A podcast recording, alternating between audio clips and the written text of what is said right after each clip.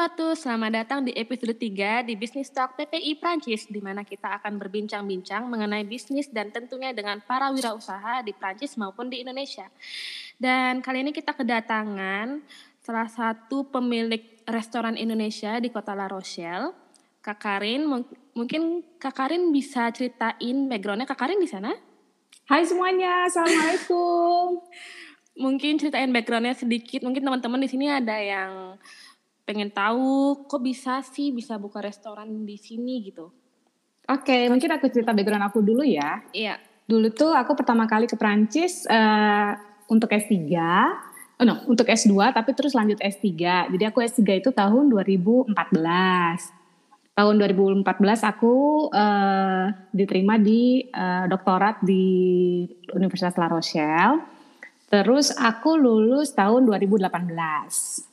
Nah, setelah itu eh tapi selama masih kuliah itu ya ya memang susah ya, maksudnya uh, kuliah S3 kan memang tidak segampang itu istilahnya level paling tinggi dari dari mm -hmm. dari education gitu ya. Yeah. Sulit tapi memang uh, waktu itu entah kenapa seperti ada opportunity aja gitu loh untuk buka bisnis. Jadi oh, saya uh, saya pikir oke okay lah why not aku akan jalanin ini gitu. Oke, btw Kak Karin, aku lupa nanya kabarnya tadi.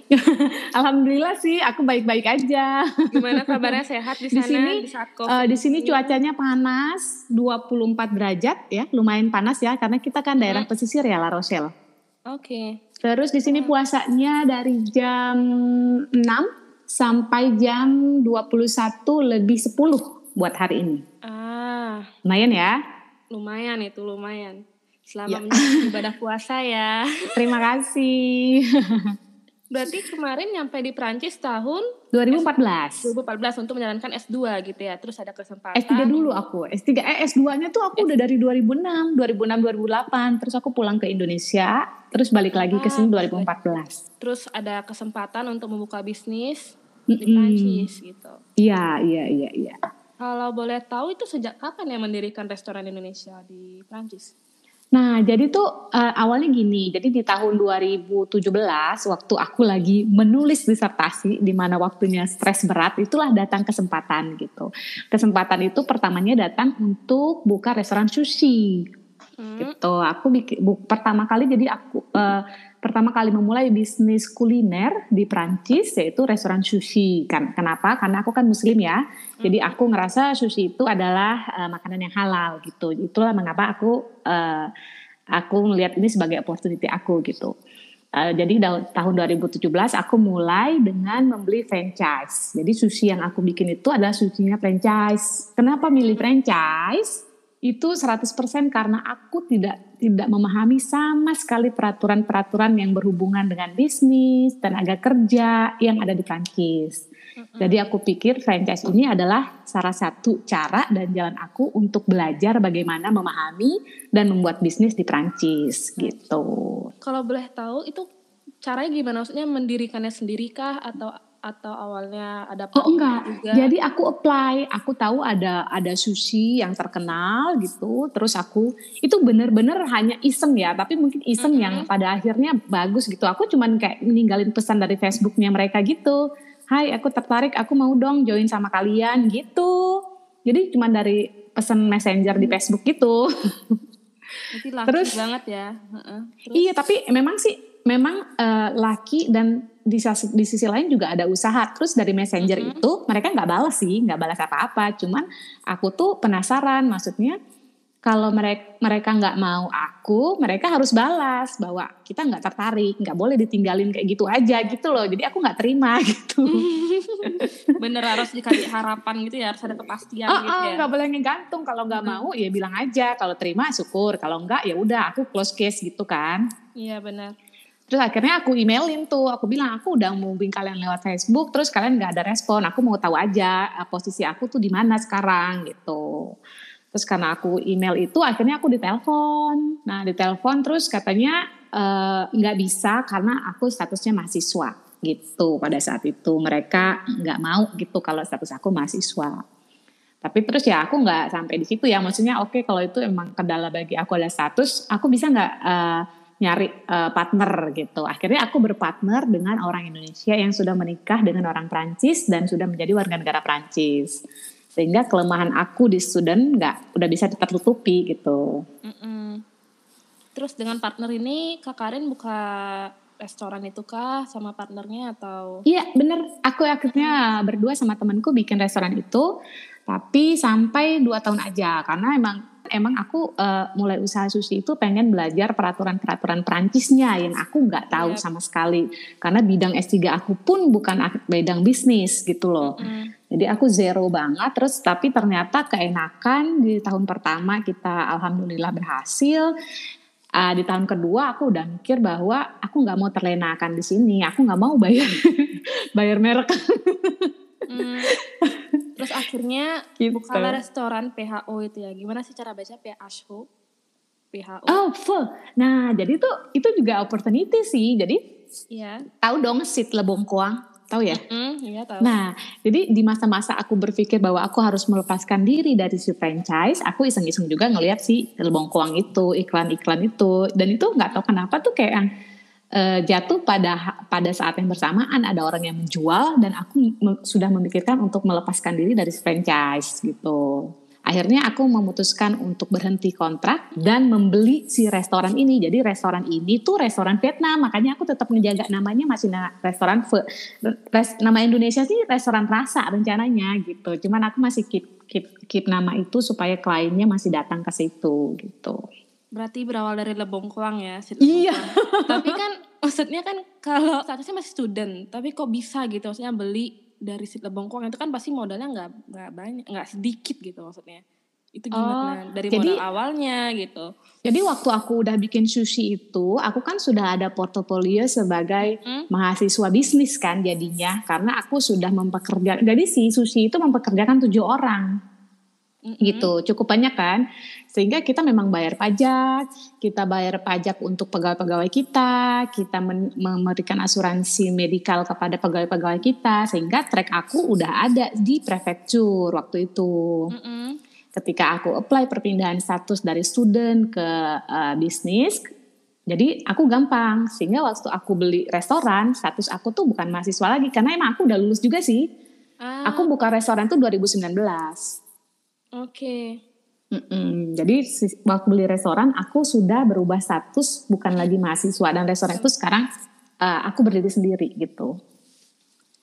Oke, terus kalau boleh tahu itu kan makanannya Asia-Asia ya, maksudnya makanannya lebih ke Indonesia kan? Yes. Kalau boleh tahu gimana sih Kak Karin eh, nyari bahan-bahannya itu? Maksudnya Kak Karin bergantung dengan toko Asia kah? Atau import terus tiap hari dari Indonesia gitu? Jadi tuh aku mix sih. Jadi sebenarnya tuh kenapa sih restoran Indonesia gitu ya di, mm -hmm. di La Rochelle gitu. Jadi aku tuh uh, setahu aku nih kalau aku nggak salah ya, jadi universitas di Prancis yang mengajarkan bahasa Indonesia di Inalco Paris dan di La Rochelle di La Rochelle gitu loh, setahu mm -hmm. aku. Atau tempat lain yang ada mungkin tapi aku nggak tahu ya. Nah, hmm. jadi aku pikir ada restoran, ada jurusan Indonesia di La Rochelle, tapi nggak ada nih restorannya gitu. Aku pikir kesempatan. Gitu. Nah, benar karena yang banyak itu restoran Vietnam udah otomatis ya hmm. di Prancis ya restoran Vietnam dan restoran Cina kali ya, Cina lah gitu. Cina Vietnam mirip-mirip sih ya. Iya, apalagi di La Rochelle banyak orang Indonesia kan ya, maksudnya. Iya kan lumayan di sana ya. Nggak terlalu banyak juga sih. dulu tapi emang emang apa ya emang naik turun gitu. Dan turun. yang bikin banyak enggaknya itu biasanya mahasiswa. Tapi pasar aku sih bukan orang Indonesia yang tinggal di La Rochelle tapi pasar hmm. aku tuh orang Prancisnya gitu yang ingin mengenal lebih jauh tentang budaya Indonesia melalui kuliner Indonesia gitu makanya aku putuskan oke okay deh aku akan rubah ini si restoran Vietnam ini. Kan memang Asia ya udah udah Asia gitu kesannya. Vietnam ini aku masukkan resep-resep Indonesia gitu. Alhamdulillah sih si uh, penerimaannya cukup baik gitu. Kalau boleh tahu menu-menu yang paling best seller itu di di restoran PHU itu apa sih? Kayak kayak rendang soto itu yang best seller banget tuh aku sampai sekarang gitu. itu uh, masih si nasi goreng easy banget ya. maksudnya simple banget aku juga gampang bikinnya dan dan orang pada appreciate banget gitu suka mm -hmm. gitu loh sama si nasi goreng gitu. Kalau rendang mereka tuh tahu aku udah ngasih tahu kalau ini makanan terenak segala macam tapi mm -mm. orang Prancis dong orang Prancis itu kan setia gitu ya fidel gitu. Jadi dia kayak untuk mencoba sesuatu yang baru itu agak sulit buat mereka. Mereka nggak mau dong misalkan buang duit karena si rendang ini dia paling mahal di restoran gitu. Jadi dia oh, iya, orang Prancisnya mungkin kayak agak gue nggak mau nih ngeluarin duit banyak tapi eh, nggak uh, nggak sesuai rasanya gitu kan? Iya benar-benar mm -mm, jadi ada jadi, effort sih just waktu aku buka restoran. Uh -uh. Waktu aku buka restoran tuh aku bagi-bagiin dulu, maksudnya aku undang orang-orang Prancis untuk gute gitu, gute cuisine aku gitu. Iya karena nasi goreng juga apa namanya rasanya netral-netral aja gitu ya kan ya maksudnya. Mm, dan dan bagi gitu. mereka tuh udah sering kedengaran risotto risotto itu mereka udah nggak nggak tahu lah lebih kurang rasanya kayak gini lah gitu. Oke, sekarang aku pengen tahu kita udah tahu pola apa tahun ini kan emang tahun lagi sulit ya dari tahun kemarin pandemi gitu. Kena efek nggak sih dari pandemi mungkin bisa diceritakan karena kan efek uh, pandemi sih banget ya, ya. banget banget sih gitu. Uh, tahun dua eh Maret Maret 2000 2020 kemarin ya ditutup ya? Eh 2019 ya? 2020. Uh, Maret 2020. 2020 tuh kan langsung tanggal 16 tuh disuruh tutup uh. tuh restoran kan. Wah, panik, swear, panik banget aduh restoran kok baru buka lagi gitu kan swear panik banget gila nih kan kan si uh, maksudnya kliennya tuh kita baru sedang ngejor-jornya iklan ada restoran Indonesia terus disuruh tutup gitu loh. Gimana sih? Iya iya iya iya, iya. nggak ada angin nggak ada hujan kaget gitu. Iya kaget banget itu suruh tutup ya. Tapi ya mau gimana ya di di sini kan pada yang ngikut ya orang Prancis ya. Kita juga takut iya. lah kontra laloa gitu. Terus tapi, aku tutup. Uh -uh. tutup beneran tutup. Sampai sampai dia bilang mereka bilang buka boleh amporte aku buka untuk amporte. Kalau uh, mereka suruh tutup lagi kita tutup lagi. Suruh buka. Pokoknya desperate banget deh kondisinya sekarang. Tapi nggak dapat saya dari pembuka bisnis tuh dapat bantuan gitu nggak dari pemerintah Prancis oh nah itu untungnya kita tuh karena kita legal, kita bayar pajak segala macam ya perusahaannya bagus, jadi memang walaupun kolaps kita banyak sekali bantuan yang ditawarkan sama pemerintah gitu. Okay. Jadi enggak tidak terlalu mengganggu sih sebenarnya gitu ya. Mungkin pemerintah juga juga mengerti konsekuensi dari peraturan yang mereka buat gitu loh. Kalau mereka buat peraturan harus tutup restoran, mereka juga memikirkan bagaimana si restoran-restoran ini bisa tetap eksis dengan peraturan yang mereka bikin gitu. Benar -benar. Jadi sih restoran kita alhamdulillah dapat bantuan dari pemerintah gitu. Jadi nggak terlalu panik, nggak terlalu gimana-gimana ya. Karena kan Iya, tapi awalnya tuh super panik tuh kan belum ngerti ya. aku juga baru. bener, Bulan bener, Maret tuh aku bener-bener panik. Tapi ke sini ke sininya disuruh tutup, oh ya udah nggak apa-apa lah. Jadi aku kayak ngerasa oke okay, ini waktunya aku untuk membuat menu baru, memikirkan hmm. inovasi-inovasi baru di restoran aku gitu loh. Jadi aku seperti yang dikasih waktu untuk memikirkan bagaimana kelanjutannya si restoran di masa datang nanti kalau sudah dibuka. Oke oke. Jadi nggak seheboh di Indonesia ya. Kalau di Indonesia ditutup tuh kasihan ya. Iya kasihan banget. Terus kalau boleh tahu uh, restorannya Kak Karin itu pemasarannya gimana? Mungkin ada nyebar brosur kah atau sosial media aja atau gimana? Jadi tuh uh, awal-awalnya aku lewat lebih ke mulut ke mulut aja sih ya gitu. Uh, uh, pada saat aku, aku mau decide mau mulai sosial media, eh disuruh tutup itu kan. Jadi aku kayak yang, padahal aku udah bikin flyer juga, aku udah siap tuh, udah ngeprint. Yeah. Tapi aku ngerasa ngapain aku bagiin sekarang orang disuruh tutup. Jadi kayak yang masih yeah, masih tersimpan rapi gitu. Sampai sekarang. Masih ter, iya masih aku masih Okay. Aku merasa buat apa aku kasih flyer sekarang gitu loh. Nanti aja kalau udah dibuka. Jadi tuh untungnya tuh di restoran aku tuh depannya ada parkiran yang besar banget. Jadi aku memang bisa sebenarnya bisa si flyer itu masuk ke kaca-kaca jendela mobil gitu loh. Mm-hmm. Ya kan? Tapi aku nggak bikin itu karena karena ya mm, menurut aku kalau sekarang aku bikin itu belum pada waktu belum tepat waktunya untuk bikin itu gitu. Tapi aku akan bikin sih. Kalau Instagram aku bikin juga beberapa kali aku update terus ada rendang, ada soto, nasi goreng. Uh, pokoknya aku uh, kasih tahu. Oh iya, terus aku juga pernah promosiin ini loh uh, hari hari hari batik itu aku promosiin siapa yang datang mm -hmm. ke restoran aku. Kan itu dibuka ya restoran waktu yeah. itu. Pakai batik aku kasih diskon dan ternyata rame dong yang pakai batik. itu tuh kayak yang bener aku ngerasa, hah emang segimana kayak ternyata orang yang tahu uh, Indonesia uh, apa batik kodenya Indonesia gitu loh dan hmm. beberapa beberapa yang datang itu ada yang bilang aku punya banyak banget loh baju kayak gini di rumah katanya mm, mm, mm. dan itu kayak yang shocking juga buat aku gitu ternyata memang banyak sih orang yang hmm, tahu akan Indonesia gitu di La Rochelle yang notabene itu kota kecil nggak sebesar Paris gitu. Berarti semangat banget ya maksudnya udah dilanda banyak pandemi dan macam-macam gitu kan.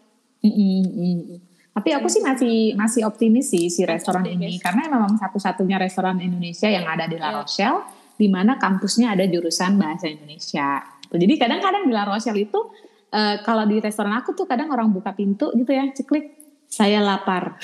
Bisa gitu. Bisa tiba-tiba. Maksudnya kalau boleh tahu kenapa sih bisa sesemangat itu? Maksudnya apa namanya kenapa di saat pandemi ini kan pasti udah kayak aduh udah capek gitu loh. Tapi masih gitu semangat Uh, dukungan dari siapa? Mungkin dari dukungan dari orang terdekat atau hmm, mana ya kayak sendiri atau emang bener seneng jalaninnya gitu? Iya pertama aku juga seneng sih, seneng. Aku tuh seneng berkomunikasi dengan orang-orang hmm. baru gitu loh, maksudnya seneng uh, seneng punya teman baru. Jadi kan kalau kita kita buka restoran kan klien tuh datang terus hmm. ngobrol, terus uh, lebih dan kurang kita jadi kayak lebih ngerasa apa ya? Kayak lebih banyak pengetahuan dan wawasan gitu. Berkat sih klien-klien ini juga gitu. Kadang kan kayak berita-berita itu berita update itu aku tahunya dari klien aku justru nggak dari hmm. aku kurang baca sih. Aku juga nggak jarang banget nonton TV gitu. Justru berita-berita Prancis tuh aku tahunya dari klien karena ngobrol. Selain bisa me, apa ya mengu, bukan mengukuhkan ya vocabulary uh, vocab aku jadi lebih vocab. banyak Mm -mm. Terus eh, kadang-kadang aku masih ngenangkap oh dia pakai pakai subjungtif nih gitu loh. Jadi kayak kayak masih belajar. Jadi jadi sambil ikut belajar gitu. Beneran deh. Berarti oh gini nyambungnya harus ke sini gitu. Seru sih kalau ketemu. jadi les bahasa Prancis ya malah. Ya sambil.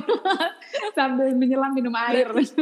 Berarti dan orang Prancis baik-baik sih. Baik-baik banget. Dia dia yeah. mengerti juga kalau kita nggak terlalu bisa ngomongnya tapi Mm-mm. mereka akan cukup appreciate gitu loh. So far sih restoran aku kalau dilihat di Google reviewnya sih uh, apa ya bagus semua gitu. Jadi aku pengen oh, keep itu makanya aku tetap tetap optimis bahwa one day kalau kita udah dibuka uh, restoran aku tuh bisa jalan jalan normal dan lebih bagus lagi dari yang sebelumnya gitu. Itu sebelumnya sebelum corona begitu aku buka itu restoran rame banget bahkan aku bisa kalau orang Prancis itu kan dua sesi ya makan siang tuh sebenarnya satu sesi 12 sampai jam 2 kan. Tapi aku tuh bisa nge-servir orang 12 sampai 1 dan 1 sampai 2 gitu. Sampai dua kali servis di midi gitu. Dan itu padahal masih ngantri di depan kasir orang untuk makan. Itu kan aku yang seneng banget kan. Mm. Kebayang dong tiba-tiba disuruh tutup. Lagi seneng-senengnya gitu disuruh tutup. Iya tapi aku makanya aku kayak optimis nanti kalau udah disuruh buka pasti kondisinya akan balik lagi mm -hmm. seperti awal sih Amin. gitu. Amin. Tolong doain ya. iya. Berarti pendukungnya adalah klien.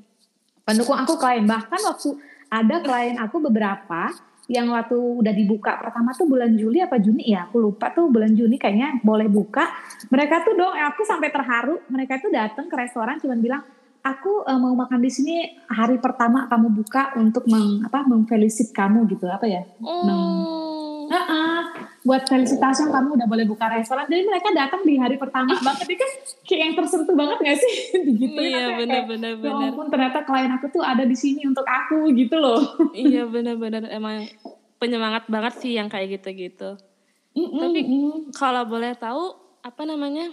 Kan ini baru dari tahun 2000 dari, dari tahun 2019 kan ya? Mm -mm, mm Uh, Kak Karin ada nggak sih rencana kayak apa? Kayak buka cabang mungkin di kota lain atau daerah La Rochelle juga gitu untuk buka cabang gitu?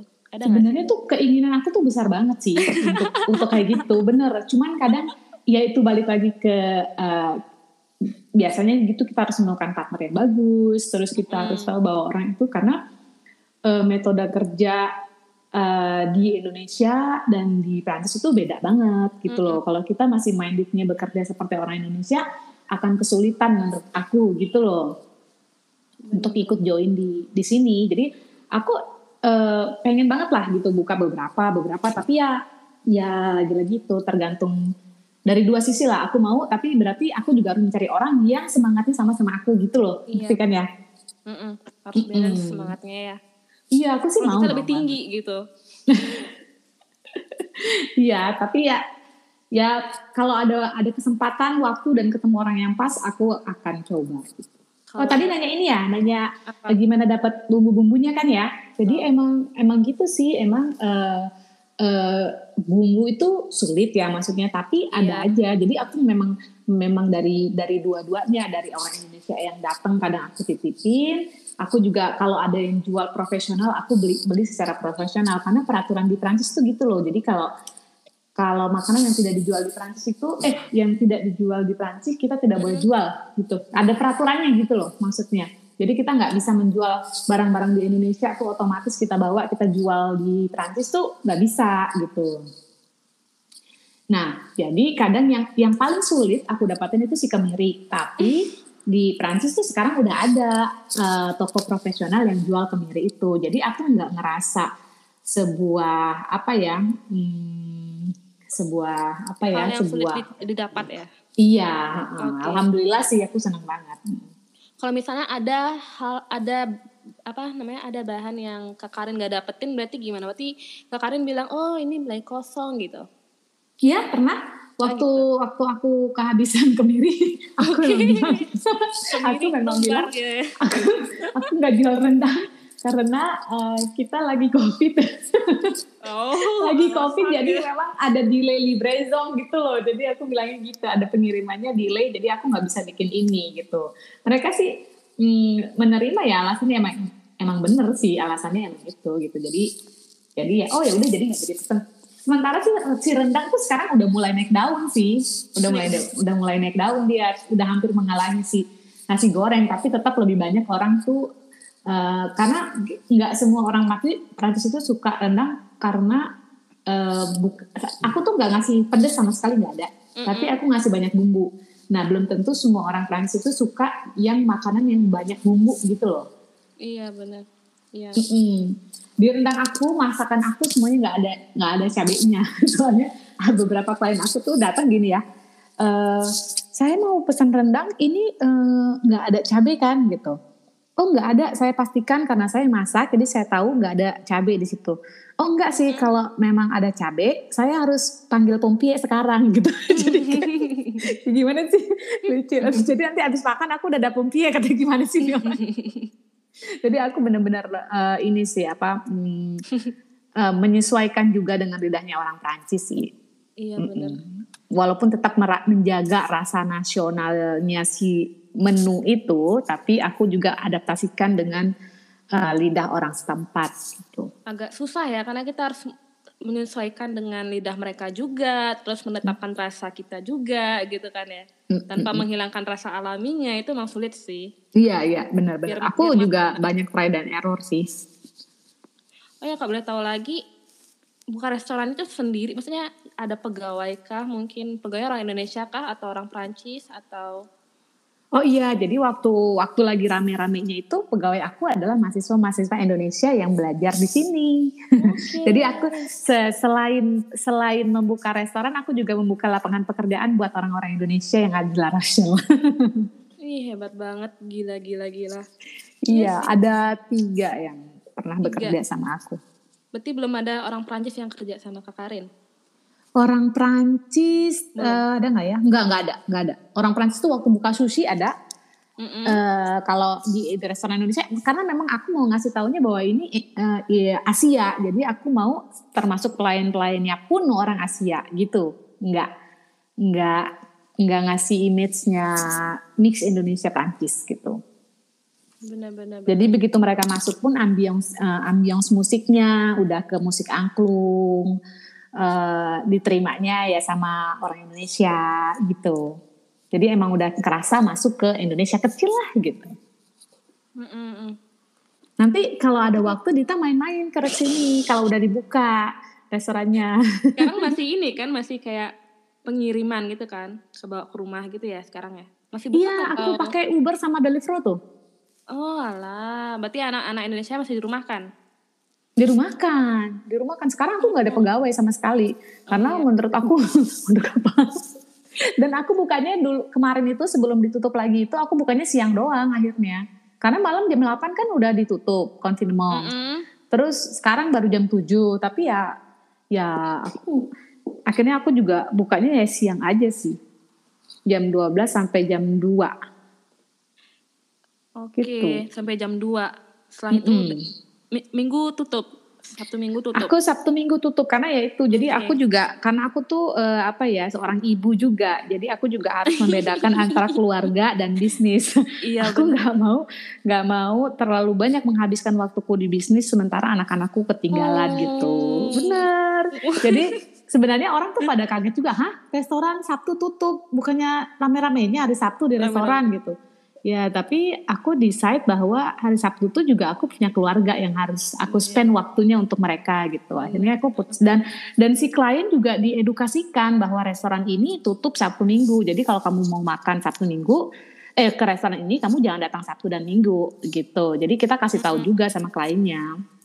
Sabtu Minggu tutup. Oke. Okay. Sabtu Minggu tutup dan kita kasih tahu. Jadi aku cuma buka Senin sampai Jumat karena anak-anakku ke sekolah mm -mm. gitu. Nanti Sabtu Minggu aku ya bareng mereka. Mungkin Kak Karin bisa kasih tahu, mungkin teman-teman di sini ada yang pingin ke sana kalau ada yang lagi di La Rochelle gitu kan, pengen ke restorannya Kak Karin. Mungkin Kak Karin bisa kasih tahu alamatnya di mana, daerah mana. Ya, bisa banget. Jadi restoran aku tuh di di tengah kota.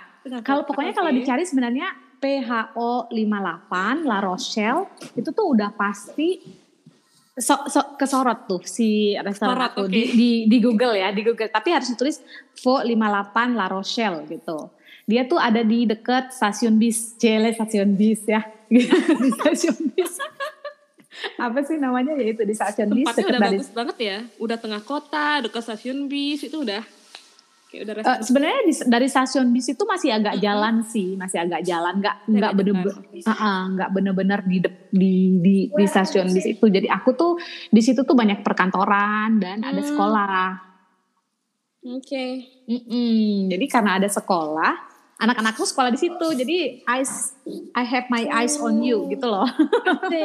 Berarti deket ya, deket. Lagi kerja juga bisa ngeliat anak gitu kan. Saya bisa memantau dari jauh gitu. Jadi bisa berangkat bareng gitu loh, berangkat bareng, pulang bareng. Itu kan mm -mm. mahal ya harganya itu tuh menurut aku waktu itu mahal gitu loh. Untuk untuk aku dan keluarga aku gitu. Jadi aku nggak terlalu terlalu ngoyo si bisnisnya ini, tapi aku tetap berusaha semaksimal mungkin gitu, tanpa mengenyampingkan keluarga-keluarga aku gitu. Harus saya dengarnya. Oke, sebelum kita tutup, aku ada pertanyaan lagi nih Yes. Kemarin mungkin ada nggak sih kayak tips buat anak-anak di Indonesia atau yang ada di yang di Indonesia di Prancis atau Indonesia yang di Indonesia? Ada nggak tips gimana cara buka bisnis gitu? Atau semangat atau motivasi mungkin? Hmm, uh, mungkin karena buka bisnis di Indonesia itu agak sedikit gampang ya beda dengan di Prancis. Cuman kalau aku okay. bisa sarankan jika kamu udah ada ide ya udah stuck on it aja lah uh, harus uh, jangan terlalu banyak ide karena terlalu banyak ide tuh susah untuk direalisasikan. Pilih satu yang benar-benar yang kamu mau, udah dieksplor itu aja. Karena uh, kalau kita kalau aku ya karena aku nggak ada pengalaman bisnis sama sekali ya. Keluarga aku juga bukan keluarga pebisnis gitu.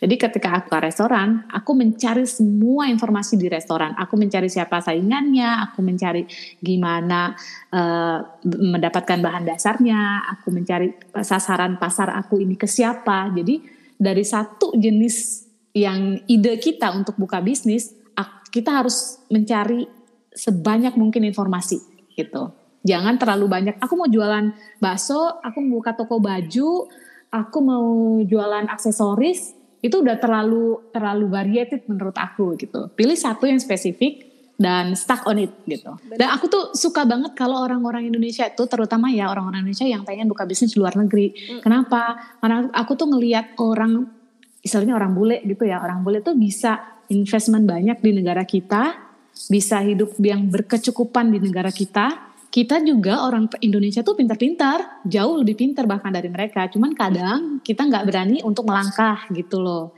Jadi itulah yang membedakan kita sama mereka. Aku ngerasa orang Indonesia pasti bisa melakukan investment di Prancis atau di negara-negara lain yang mereka inginkan gitu.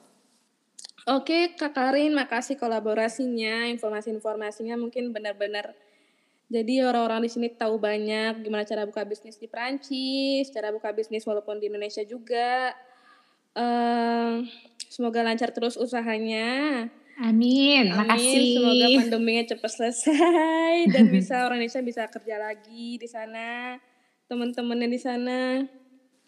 Dan jangan lupa kalau uh, ada yang di Prancis dan pengen jalan-jalan ke La Rochelle bisa hubungin aku, bisa datang ke restoran aku dan lain-lain dan lain dan lain dan lain sebagainya.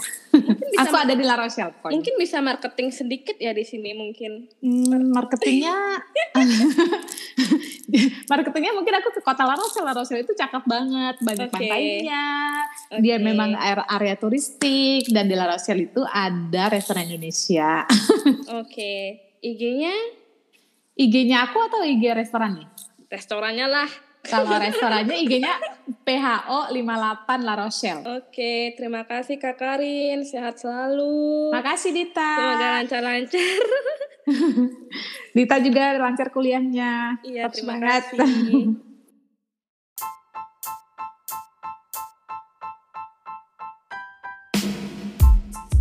Jangan lupa untuk mengikuti sosial media kami di Facebook, YouTube, Twitter, dan Instagram di @ppi_prancis serta mengunjungi website kami di www.prancis.ppi.id. Ciao!